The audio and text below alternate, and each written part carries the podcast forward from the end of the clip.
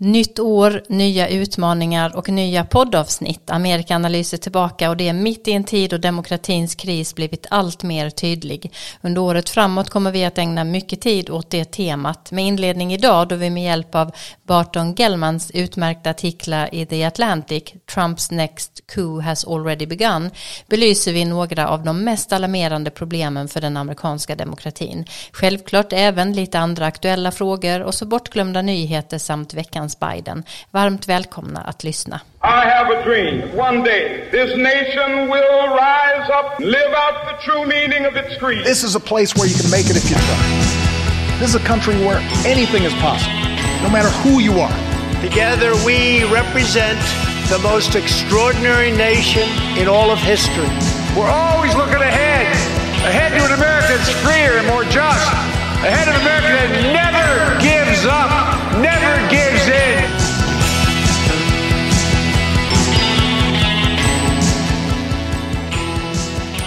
Ja, varmt välkomna till Amerikanalyspodden, en podd där frågor som rör politik och samhällsutveckling i USA fördjupas och sätts i ett samtida och historiskt sammanhang. Vi som gör podden är Karin Henriksson, Erik Åsa, Dag Blank och jag Frida Stranne som tillsammans har närmare 150 års erfarenhet av det här området.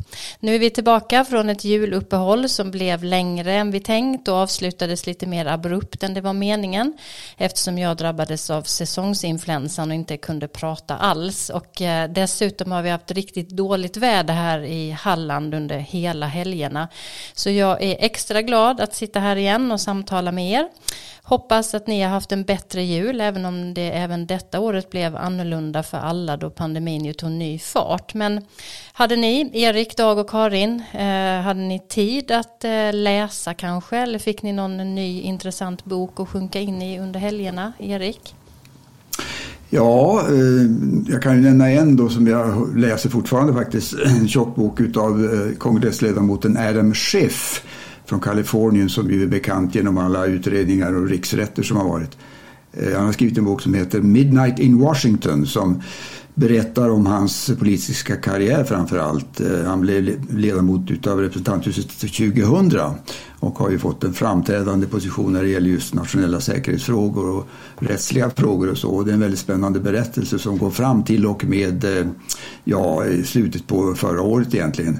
Så den är väldigt, väldigt aktuellt och berättar väldigt spännande just om vad som hände honom och de närmaste i kongressen under stormningen av Kapitolium den 6 januari i fjol. Mm, ett bra boktips då. Eh, Karin, har du hunnit läsa? Ja, jag har en hel hög med böcker som hör ihop med eh, mitt nästa bokprojekt. Och um, både här på skrivbordet och i min Kindle, så det är full fart. Mm, och jag antar att du inte tänker avslöja vad bokprojektet handlar om ännu? ja, snart. Ja, snart. snart, vi väntar. Um... Men jag kan säga att en bok, eh, den överst till höger är Michelle Obamas eh, memoar eller självbiografi som heter Becoming. Mm. Då kanske, eller då får lyssnarna gissa vad det är som är på gång denna gången. Eh, Dag, har du läst någonting? Ja, jag har läst en spännande bok som heter The Global Interior. Det handlar om amerikanska inrikesdepartementet, Interior Department, och dess roll i amerikansk expansion utanför USA. Lite paradoxalt att inrikesdepartementet skulle spela en roll när det gäller amerikansk expansion utåt. Men det är en eh, mycket spännande bok av en historiker som heter Megan Black som driver ett intressant argument kring detta. Mm. Eh, jättebra med lite nya boktips. Eh, jag har mest läst teoretiska böcker, inte så mycket att dela med mig av. Sen har jag ju dessutom legat sjuk mestadels. Vi har faktiskt fått flera frågor från lyssnare om eh, just eh, böcker att läsa och fördjupa sig så att vi ska försöka återkomma till det då och då med sånt som vi läser och kan rekommendera. Nu är vi alltså igång igen och det händer som vanligt mycket borta i USA. Innan vi går in på dagens fördjupningsämne, vad skulle ni vilja ta upp lite kort av det allra senaste. Karin, om vi börjar med dig. Ja, jag försöker följa arbetsmarknaden. Det händer väldigt mycket där och det hänger ju dels naturligtvis ihop med pandemin. Men det är dels då förändringar eh, som, som är nya och eh, det är då paradoxalt nog nästan full sysselsättning plötsligt och arbets, eh, alltså brist på personal. Och det där blir ju dels då att det är press uppåt på lönerna men också att eh, det kommer bli mer automatisering och det betyder då färre jobb. Så det är jättespännande. Mm. Eh, Erik? Ja, det har ju varit väldigt fokus på president Biden här på sistone i samband med händelserna här den 6 januari då han höll ett stort tal och sen höll han ett tal här i tisdags om rösträtten nere i, i, i Atlanta, Georgia.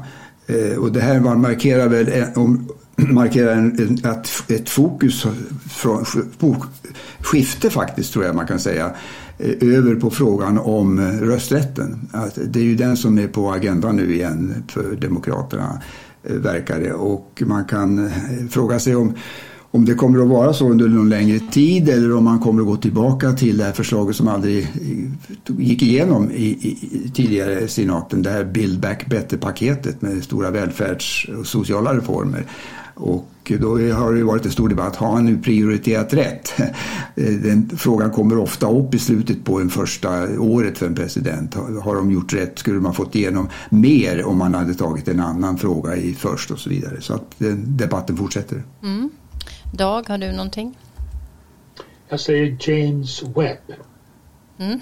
Vill du utveckla det? Fascinerande, det helt otroliga teleskopet som har skjutits upp inte bara av USA utan gemensamma krafter med den europeiska rymdmyndigheten och som kommer, har lyckats och som nu har vecklat ut sig som vi säkert har sett. Och där man nu lockar med och lovar att vi ska kunna se långt, långt, långt, långt tillbaka i det förflutna. Nästan till universums uppkomst.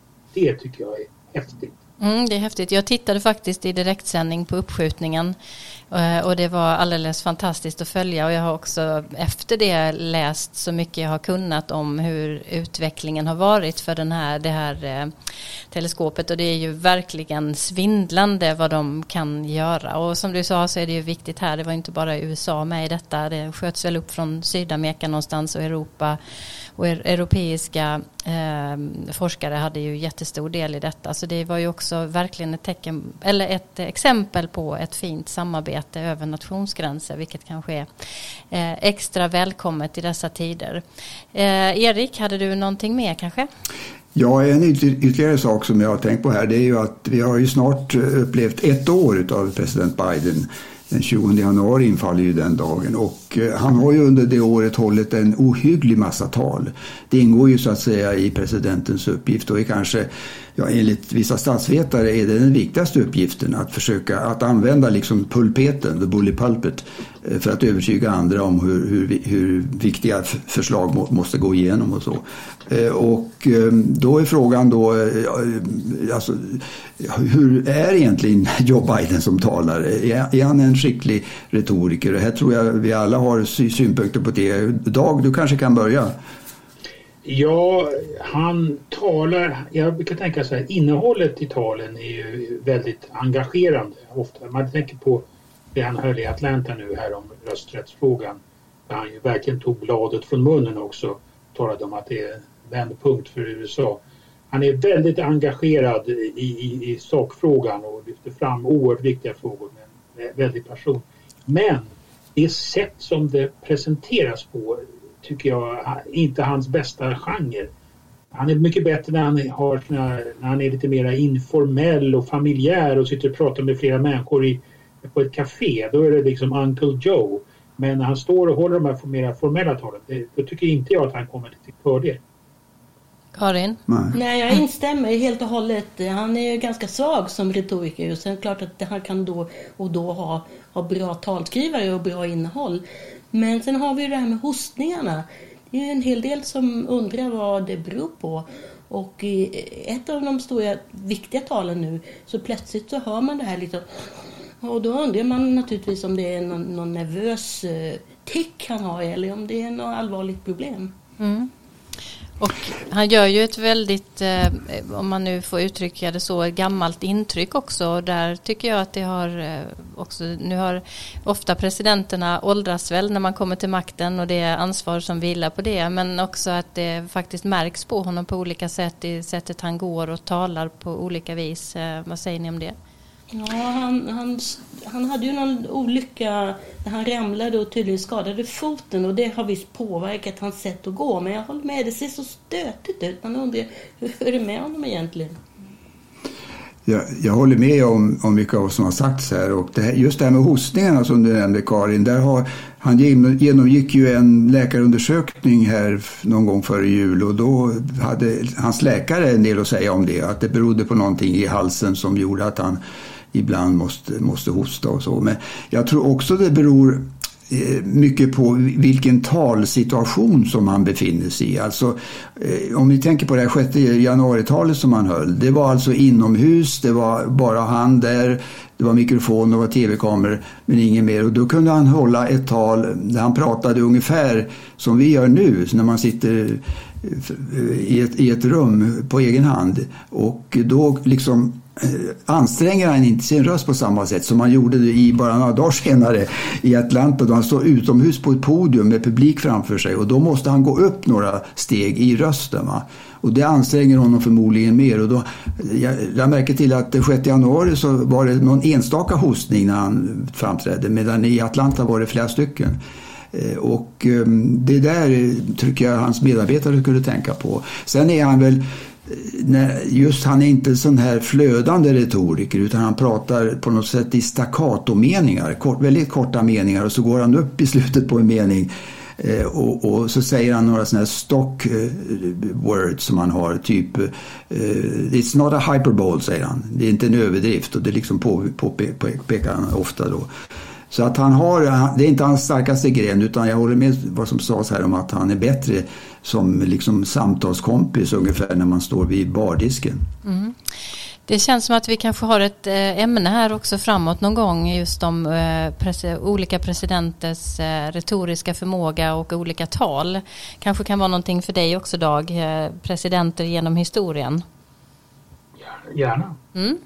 Eh, då får vi eh, se fram emot det längre fram och nu kanske vi är dags att gå över till eh, veckans fördjupningstema.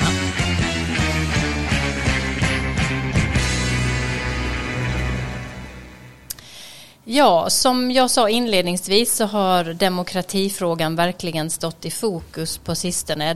Data visar att de demokratiska framstegen sedan 1989 nu är utraderade och idag bor hela 68 procent av människor i världen i länder som inte är demokrati eller, eller rör sig i auktoritär riktning, vilket är en kraftig tillbakagång, närmare 20 procent eh, under den här perioden. Det var mot eh, den bakgrunden som Joe Biden den 9 och 10 december eh, stod värd för ett virtuellt toppmöte om demokratin med världsledare från över hundra länder.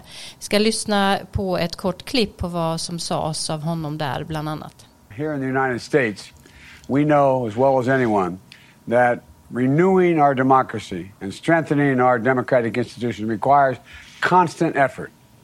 American democracy is an ongoing struggle to live up to our highest ideals and to heal our divisions, to recommit ourselves to the founding idea of our nation captured in our Declaration of Independence, not unlike many of your documents. We say, We hold these truths to be self evident that all women and men are created equal, endowed by their Creator with certain inalienable rights, among them life, liberty, and the pursuit of happiness. Democracy doesn't happen by accident.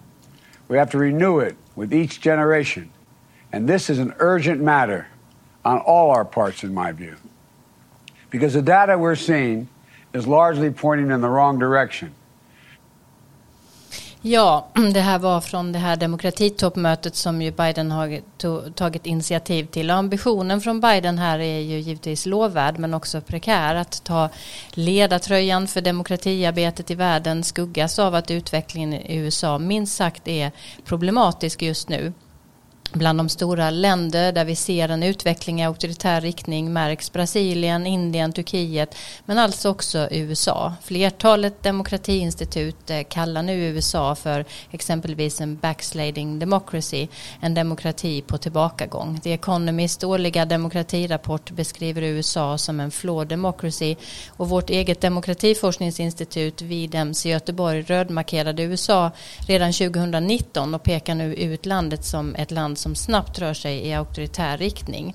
Forskningen är alltså i stora drag överens. Ehm, om och problemen ser ju snarare ut att förstärkas just nu faktiskt. Sedan en tid pågår en kampanj i flera republikanskt styrda delstater för att ändra röstningslagarna och rita om valdistrikten efter fjolårets folkräkning.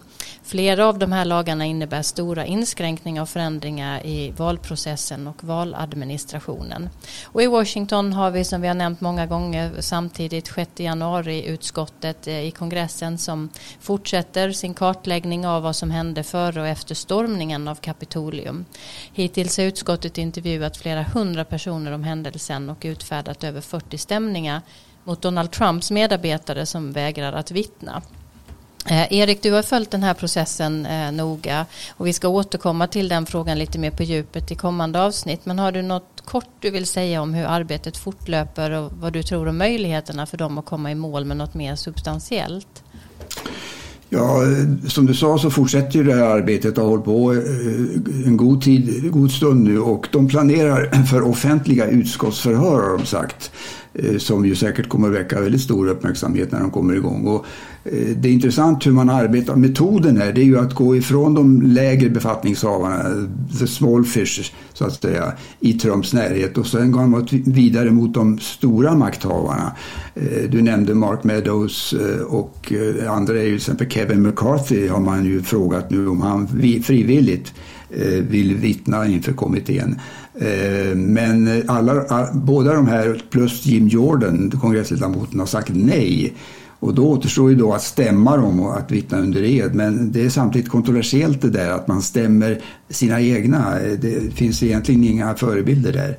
Men tror jag, nästan oavsett hur grundligt arbete den här kommittén kommer att göra och vad de avslöjar så tror jag inte att det kommer att ändra särskilt många väljares uppfattning om Donald Trump eller om stormningen den 6 januari. Utan vad utskottet skulle behöva tror jag det är ett slags kardinalvittne som var centralt parterad i Vita huset under Trump-eran. Exempelvis som John Dean var under Watergate-affären på 70-talet. Han var ju Nixons, Richard Nixons advokat och han bidrog med sitt vittnesmål då som var väldigt dramatiskt och säljdes i direktsänd tv till att fälla eh, Nixon som president. Eh, men jag tror att lojaliteten med Trump eh, bland dagens republikaner är mycket större än den var mot Richard Nixon. Eh, och möjligen om de skulle få vicepresidenten tidigare Mike Pence att tala ur skägget i motsvarande tv-sända förhör Eh, att, att eh, det skulle bli en, en, en slags genombrott. Då. Men eh, det är väldigt tveksamt om det kommer att hända. Utan det troliga är tror jag att när utskottet väl kommer med ett slutbetänkande någon gång efter sommaren lär det väl bli att det får stora rubriker men sen att det helt enkelt läggs till handlingarna ungefär som hände med Mallerutredningen om Rysslandskontakterna häromåret om året. Mm. Um, Ehm, innan vi går vidare med de olika typerna av hotet mot den amerikanska demokratin så kan vi också i samband med det här om ehm, eh, 6 januari-utredningen klämma in veckans Biden, Karin, som du alltid är den som plockar fram åt oss. För den här veckan så kommer det ju från vad Biden sa på årsdagen av den 6 januari alldeles nyligen och vi lyssnar på honom här. I did not seek this fight brought to this capital one year ago today. but I will not shrink from it either. I will stand in this breach. I will defend this nation. And I will allow no one to place a dagger at the throat of democracy. Ja, vad sa han här Karin och vad, kan det ha någon betydelse för utskottets arbete som Erik just pratade om? Nu är du nog mutad Karin. Ja, alltså som, för att återgå till, kort då till vi har sagt, vad vi har sagt förut så var ju ehm, Biden mycket kraftfullare än vad amerikanerna är vana vid.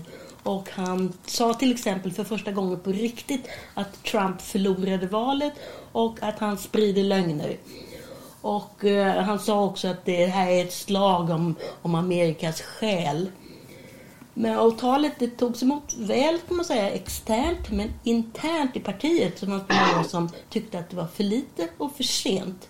Och dessutom så hörs det då i ett lite större sammanhang kommentarer om att det man brukar kalla för the bully pulpit, alltså presidentens talarstol som ett maktinstrument, faktiskt kanske inte fungerar så bra nu för tiden. Hur många hörde detta och hur många tog det till sig? I synnerhet då i det polariserade landet. Mm, intressant. Vi har ju alltså tänkt att vi ska ägna flera program eh, åt den allvarliga utvecklingen och försvagningen av amerikansk demokrati under det här året. Eh, också mycket annat givetvis. Men det finns faktiskt mycket att diskutera. Redan nästa avsnitt så ska vi ta upp delar som du och jag Erik har skrivit om för ett specialnummer av statsvetenskaplig tidskrift på just det här temat om hot mot amerikansk demokrati. Och då gräver vi djupare bland annat i hur vallagsförändringarna faktiskt ser ut och vad de innebär här. Eh, men idag har du, Erik, valt att belysa en artikel skriven av Barton Gellman som jag sa inledningsvis från i, The Atlantic. Eh, varför tyckte du att det var angeläget att ta upp just den artikeln? Ja, det är ju på grund av innehållet i den. Men kanske bara först några ord om författaren här, Barton Gellman. Han är en 60-årig eh, journalist och som har varit med ganska länge då och skrivit om eh, väldigt stora händelser som 9-11 och eh, efterföljande saker och olika krig och så. Eh, med en, spe, med en speciell inriktning har jag sett på den amerikanska säkerhetsstaten, underrättelsetjänstens övervakningen och den, den, typen av problem. Han har skrivit bland annat en bok, en bok om det som handlar mycket om, om Edward Snowden. Eh, så han har skrivit för olika publikationer, Washington Post och andra ledande publikationer. Men alltså nu har han sedan några år skrivit för The Atlantic. Eh, och eh, man kan ju tillägga också kanske att han Före valet 2020 så skrev han en uppmärksammad liknande artikel där han var mycket förutseende när det gäller vad som skulle hända efter valet. Nämligen att Trump inte skulle erkänna sig besegrad och vilka följderna av det skulle kunna bli. Och det, det visar att han liksom har lite, lite av tunnelseende och eh, väldigt skicklig analytiker tycker jag. Mm. Så de viktigaste poängerna i artikeln, vilka var de?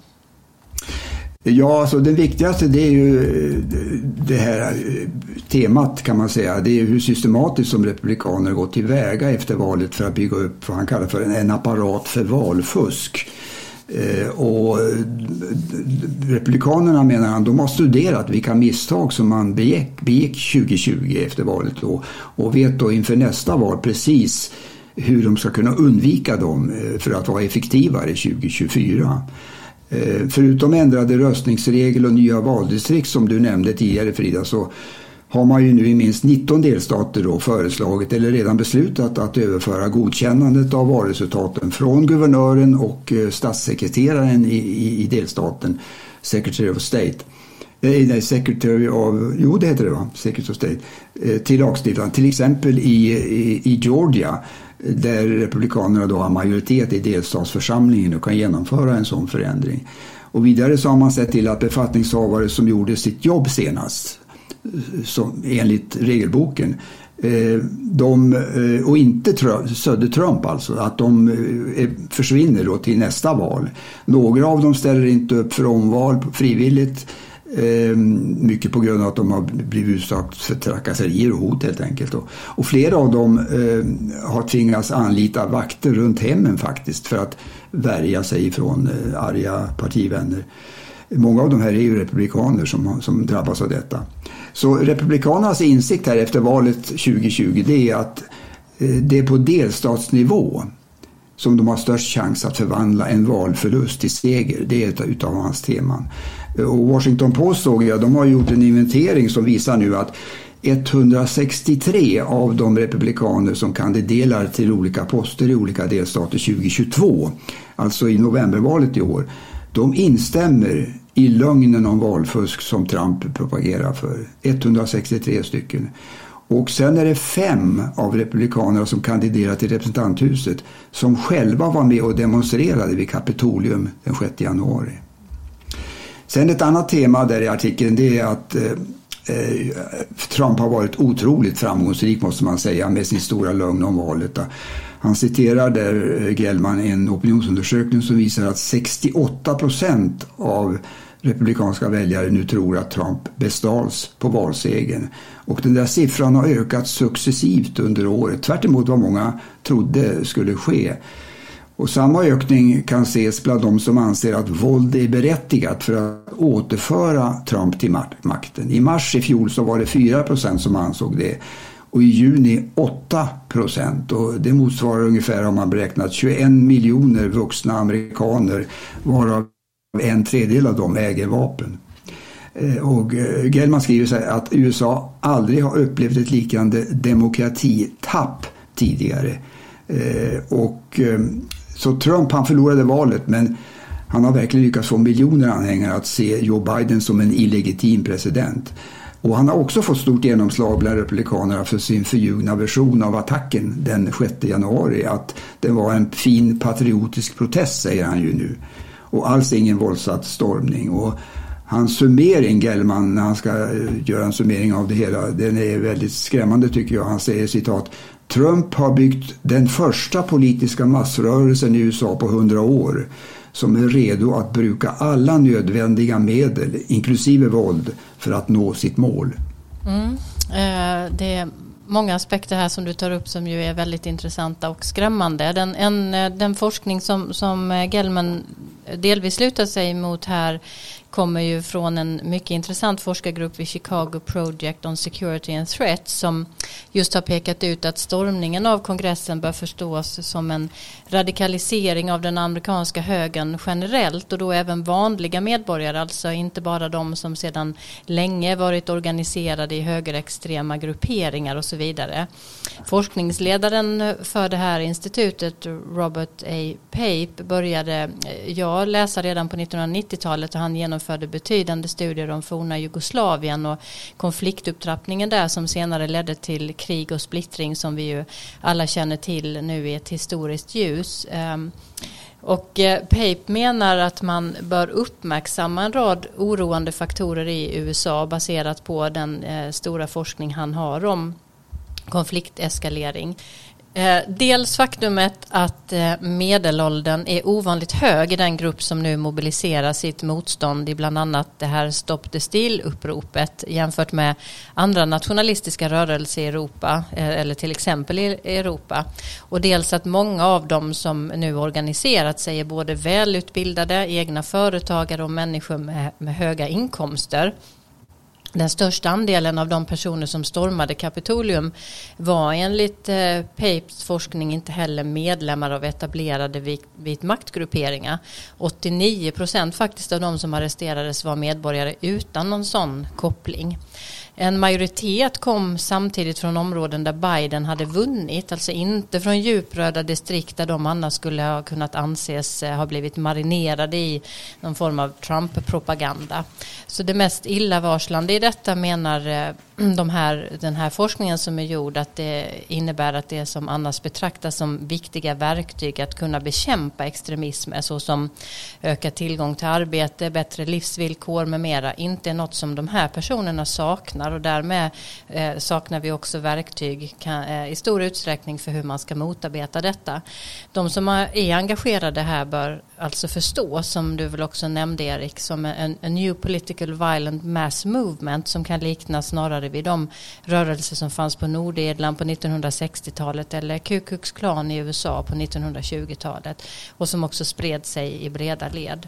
Så det här är någonting eh, viktigt att uppmärksamma och som ju också eh, Gellman tar upp i, i sin artikel, om än inte riktigt eh, så utförligt. Eh, har ni några kommentarer till det? Ja, bara en, en sidokommentar kan ju vara att du nämnde det här med att det är väldigt hög medelålder. 42 år tror jag han skrev där att den var. Medan den vanliga demonstration, demonstra, demonstrationsåldern i USA eh, på demonstranter brukar vara några av 20 ungefär. Så att det, där skiljer sig väldigt. Och sen också att eh, många eh, utav de här som demonstrerade, du nämnde att det var affärsmän och medelålders affärsidkare och sådär Eh, vanliga amerikaner så att säga, de kommer huvudsakligen från eh, områden, orter, städer där den vita befolkningen sakta men säkert går ner. Inte dramatiskt men successivt år för år. Eh, och det, det är det som är den bästa förklaringen eh, menar den här, de här forskar, forskarna till, till den här radikaliseringen som drivs alltså utav någon slags ja, minoritetsrädsla skulle man kunna säga. Mm. Eh, ett ämne och ett tema som ju du och Martin Gelin har skrivit eh, en hel del om i, i er bok Hot mot demokrati som vi kan rekommendera i det här sammanhanget tänker jag. Dag, har du något ehm, vid historisk jämförelse kanske?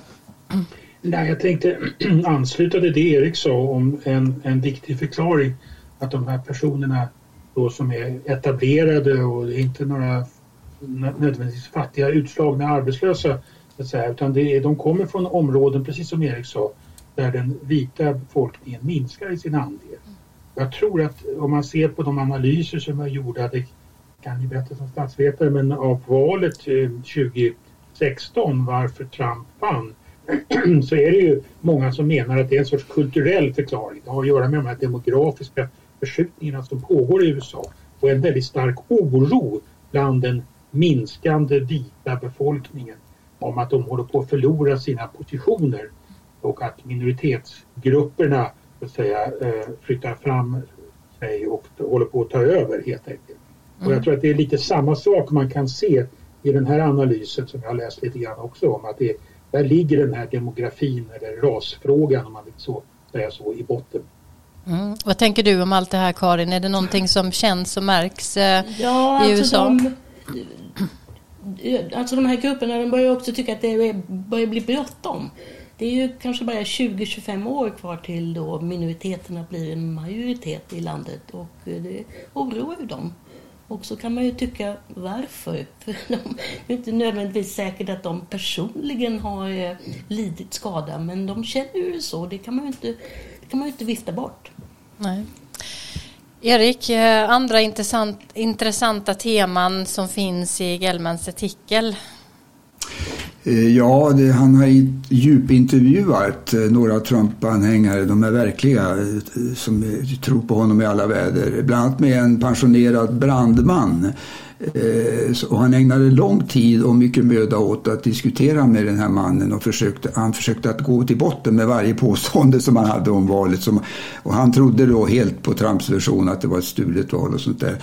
Och bland, bland annat en sak som han gjorde det var att eh, det var ett rykte då om eh, att i, en, i någon delstat som, som det var där det ganska jämnt att där hade det varit fusk. Och den uppgiften då så försökte han spåra Gellman.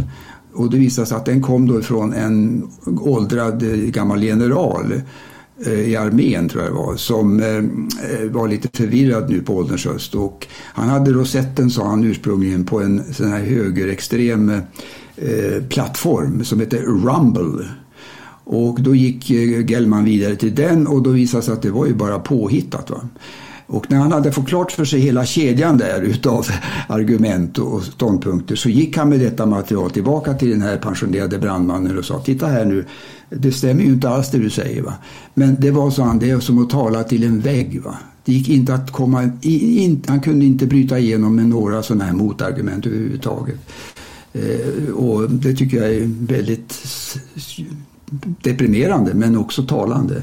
Sen fast, fastnade jag också för hans synpunkt, Gellman, att eh, Demokraterna åtminstone eh, ger intryck av att agera som om hotet mot demokratin inför de här två kommande valen 2022 och 2024 inte är så akut eller ens reellt eh, som om det är en sakfråga bland andra som infrastrukturfrågan eller välfärdsfrågan. Men Ligger det något i det påståendet, eh, tycker du? Eh, ja, ja, eh, ja, möjligen så tror jag att det har gjort det tidigare, men man har också en känsla av att nu håller det på att vända kanske.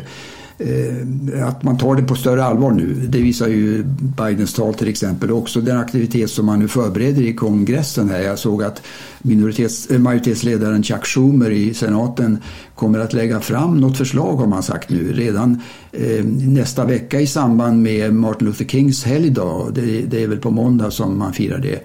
Eh, just för att markera att eh, röstningsfrågan är så oerhört viktig. Va? Eh, sen kan man notera, tycker jag, en intressant diskrepans här i den här frågan om eh, valet. Tror man på att valet var legitimt eller inte mellan partierna? Och idag så är det faktiskt så att det är republikanernas väljare som är mest bekymrade över demokratins tillstånd i USA eftersom en majoritet av dem ju eh, i vissa mätningar över 70 procent, tror ju på det här att valet är stulet. Medan betydligt färre av demokraterna väljare tror på, de tror ju att Biden är den legitima vinnare. Så att eh, den skillnaden eh, är noterbar och enligt Gellman så är just tron på eh, att att det finns ett utbrett valfusk, att det blir fel segrare så att säga i valet bland, bland republikanerna. Ett av de största demokratihoten i USA för, för att allt drivs av detta. Va? Om inte det fanns den uppfattningen bland republikanerna då skulle ju inte ledningen och de ledande partiföreträdarna eh, få något genom... Då skulle de kunna strunta i vad Trump säger. Va? Eh, och att inte, men att inte dem, Demokraternas väljare prioriterar frågan särskilt högt, inte har gjort det i alla fall, det har nog bidragit till tror jag att frågan inte har hamnat högre på, på kongressens dagordning än vad den har gjort hittills. Men det händer en del nu Karin? Ja det gör det ju. Men jag bara tillägga till de här väljarna som Gellman talar med. Det förekommer faktiskt ganska ofta att eh, eh berättelser om att det är schismer i familjer. Eh, barn då till lite äldre personer som säger att min pappa eller min mamma fattar inte. De är ju helt galna, det går inte att tala med dem. Så det är den här gamla frågan om sanningen, hur kan man nå ut med sanningen?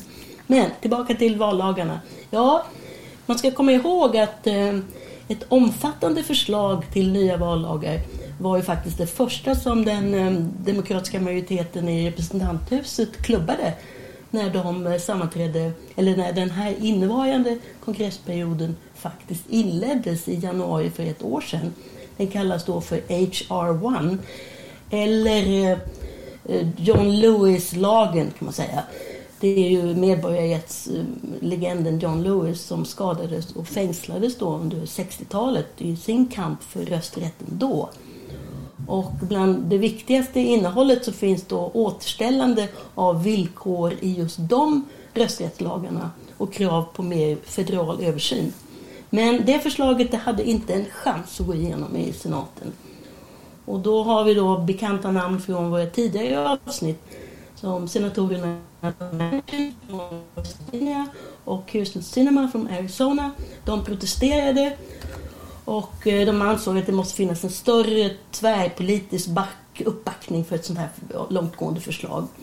Och Manchin eh, vill sig om att i alla fall försöka och, och eh, åstadkomma någonting. Så han ligger bakom till stor del en kompromiss som kallas Freedom to Vote Act. Den är även den omfattande och innehåller sånt som att göra valdagen till en ledig dag, förtidsröstning under minst två veckor och möjlighet att re registrera sig i röstlängden samma dag plus eh, ökade möjligheter till brevröstning.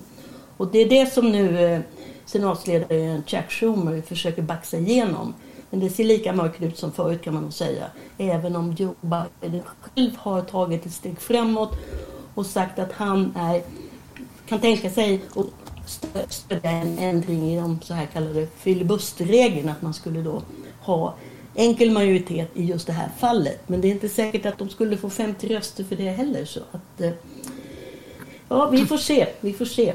Men alltså man kan också säga att, att hela den här frågan om, om den amerikanska demokratins hälsa, den är uppe varenda dag, överallt. Och så det kommer ju återstå att se om det blir liksom en, en långsam, långsam påverkan ändå av allmänheten. Men det vet vi ju inte. Det är ju en personkult kring Trump och eh, då är frågan då om det finns liksom liknande historier att titta på bakåt i tiden. Och då kan man nämna McCarthyismen, alltså en klappjakt på misstänkta kommunister som inte alltid var nödvändigtvis några kommunister utan tvärtom. Och eh, den kom till vägs ände faktiskt den hemska perioden när en, eh, en kongresspolitiker sa helt enkelt, sluta nu ungefär, han sa eh, at long last, sa han, eller ett long last” på amerikanska naturligtvis. Have you left no sense of decency? Så vi får se, vi får se. Mm. Eh, finns det någon punkt där ni, eh, kanske främst du Erik, som tycker att eh, Gellman har gått för långt i sina prognoser? Eller att han är för alarmistisk? Eller Karin, ska du eh, börja kanske? Ska jag börja? Mm. Ja, alltså vi vet ju förstås naturligtvis inte om Trump kommer ställa upp igen. Det, det finns ju olika åsikter om det. En del övertygade som Barton Gellman är och andra tvivlar faktiskt. Och, eh, sen så om han är för alarmistisk. Ja, alltså Gellman säger ju själv att systemet faktiskt fungerade förra gången. Så det är ju frågan då vad, om det kommer finnas eh, då, så i det här fallet då republikanska delstatstjänstemän som kommer följa lagarna och kanske till och med säga att ja, vi, vi måste titta på valresultatet. Men eh, sen pågår ju då som sagt rättsprocesserna efter 6 januari och det kommer bli väldigt kännbara straff för många.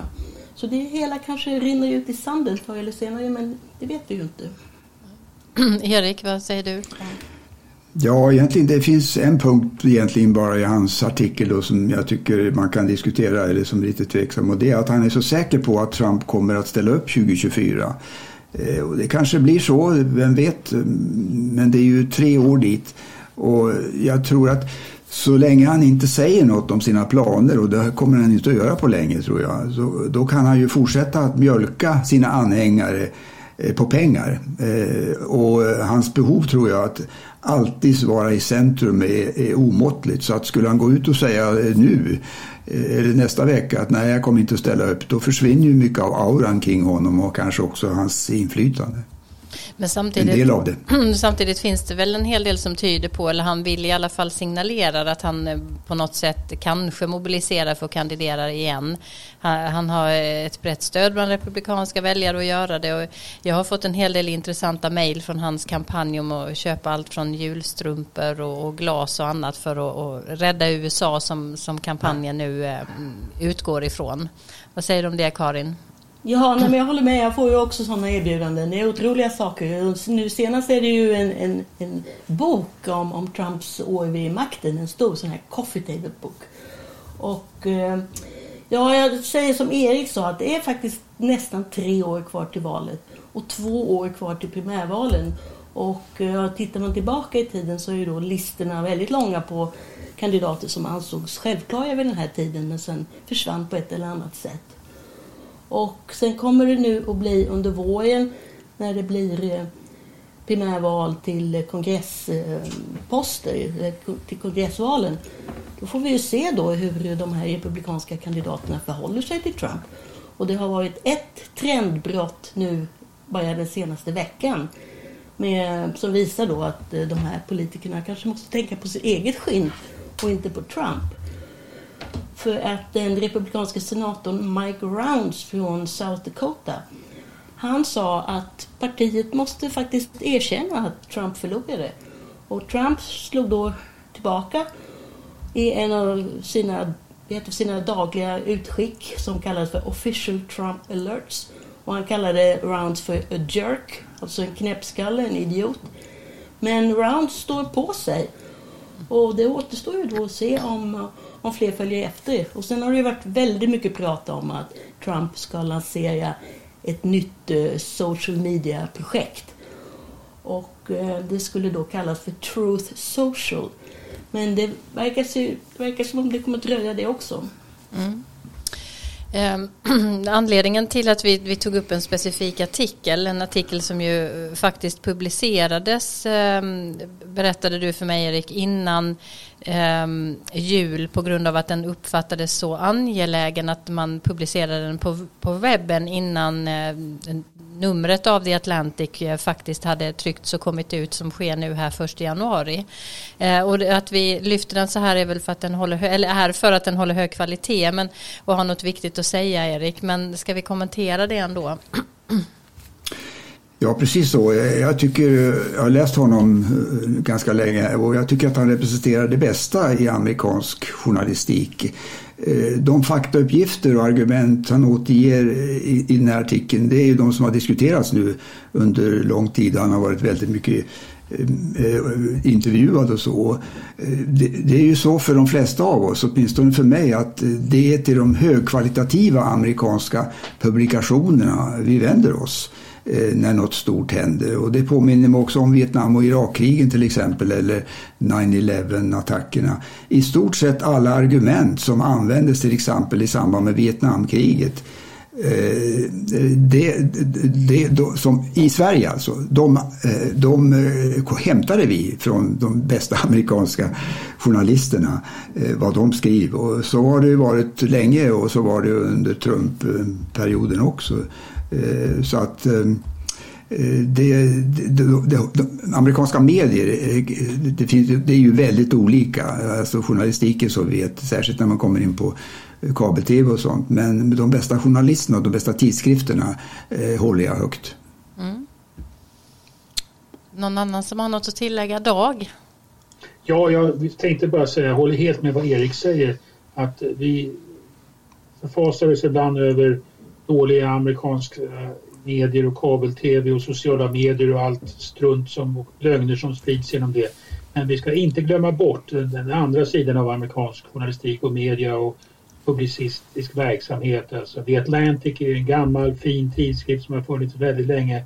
Vi har de stora eh, kvalitetstidningarna New York Times, Washington Post och så vidare, New York Review Books och eh, New Yorker, en hel lång rad av, av, av, publikationer som paradoxalt, eller kanske inte så konstigt, har stärkt sin ställning också under de senaste årens mm. turbulens inom medievärlden med fake news. Det, det, det är en, en, en, positiv kraft skulle jag vilja säga i, i, i, USA och som Erik säger precis i Sverige är vi ju väldigt påverkade av dem också. Vi läser dem ju och, och hämtar mycket näring därifrån. Karin? Ja, nej, jag håller med om amerikanska medier och, skribenter och fotografer och så vidare. Men jag tänkte bara säga en annan lite spetsig sak som dyker upp då och då är ju just de här journalisterna när de ibland frågar republikanska kongresspolitiker. Nå, du vann ju. Hur kommer det sig att, att ditt val var så eh, befriat från allt fusk som då skulle ha handlat bara om Joe Biden? Så det kommer vi ju kunna följa och sen då om det nu blir så, vilket så gott som alla förväntar sig, att Demokraterna kommer förlora stort i eh, mellanårsvalen. Och kommer de då att ta till samma argument och metod som Trump har gjort och då ifrågasätta varenda valdistrikt? Det är en annan sak vi måste hålla ögonen på, eller hur? Mm. Ja, det eh, går runt, runt den här frågan. Ehm, efter att ha ägnat så pass mycket uppmärksamhet åt den här artikeln i alla fall av, av Gelman som vi ju då alla rekommenderar er som lyssnar så kan vi väl avrunda också med att lyssna på hur han uttryckte sig i en intervju nyligen om hur Trumps anhängare blir allt mer militanta. I, I think there's a a strong ongoing message uh, that is amplified thousands of times by the whole uh, ecosystem on the right. Uh, that is a propaganda ecosystem, uh, and and it is telling people uh, that someone stole the election from them, uh, that the Democrats are destroying the country, uh, that more and more and more so-called evidence uh, proves these things, and yeah, I, I, I think the uh, there's, there's, this very large mass of Trump supporters who believe both that Biden is an illegitimate president who stole the office and that violence is justified. And frankly, you know, I mean, if you if you if you were living in a country in, in which the election was literally stolen, and an imposter was holding office, uh, why wouldn't violence be justified? I, I mean, they they are they're making an argument that leads only to one place. Mm. Ja, det, det intressanta tycker jag var slutet också när han säger att det är ett argument som bara går i en riktning. Alltså att situationen enligt Trumpanhängarna är så outhärdlig att väpnat motstånd inte kan eh, bortses ifrån. Nej. En eh, som vi har nämnt tidigare, minst sagt eh, skrämmande utveckling ju, som vi också får anledning att följa eh, närmare framåt.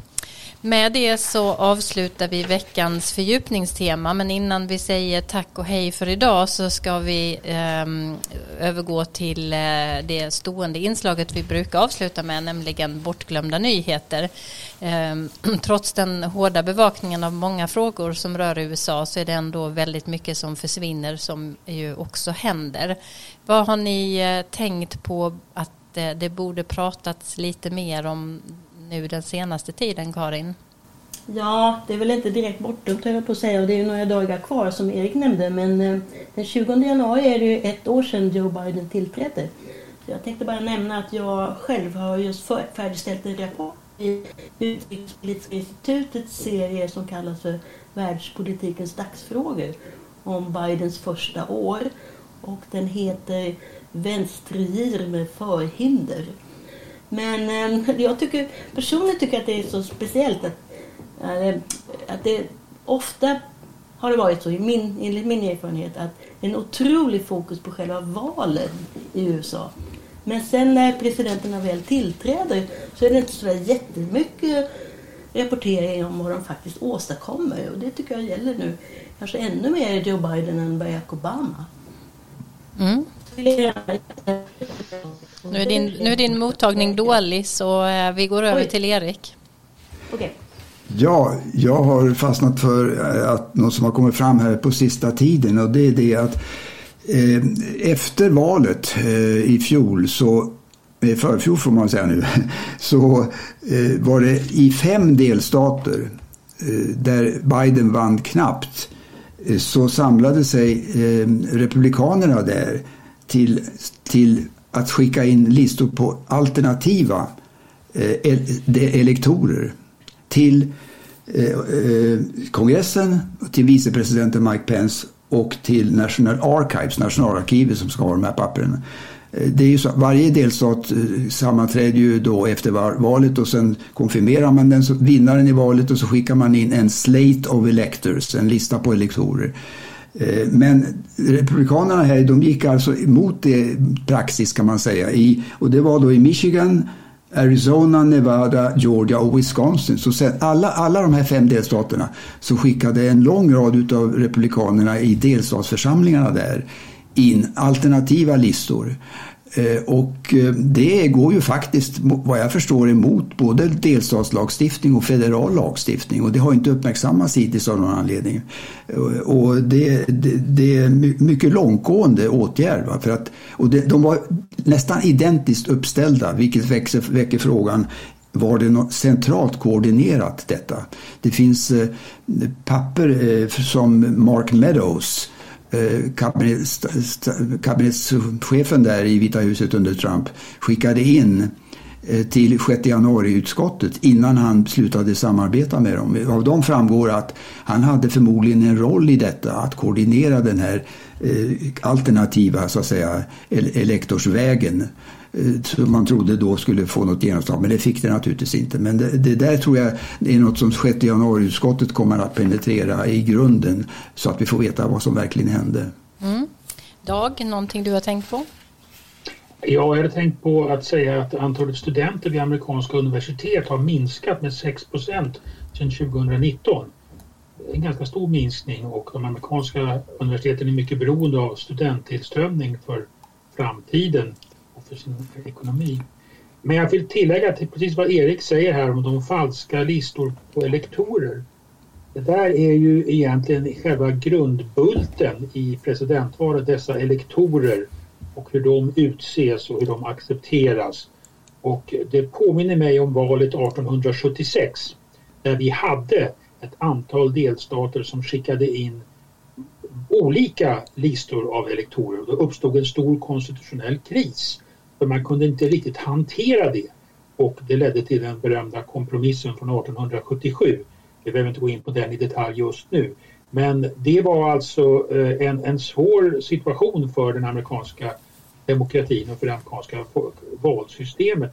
Och det är fortfarande möjligt. Det är, precis som Erik säger så talades det väldigt mycket om dessa alternativa elektorer efter valet 2020.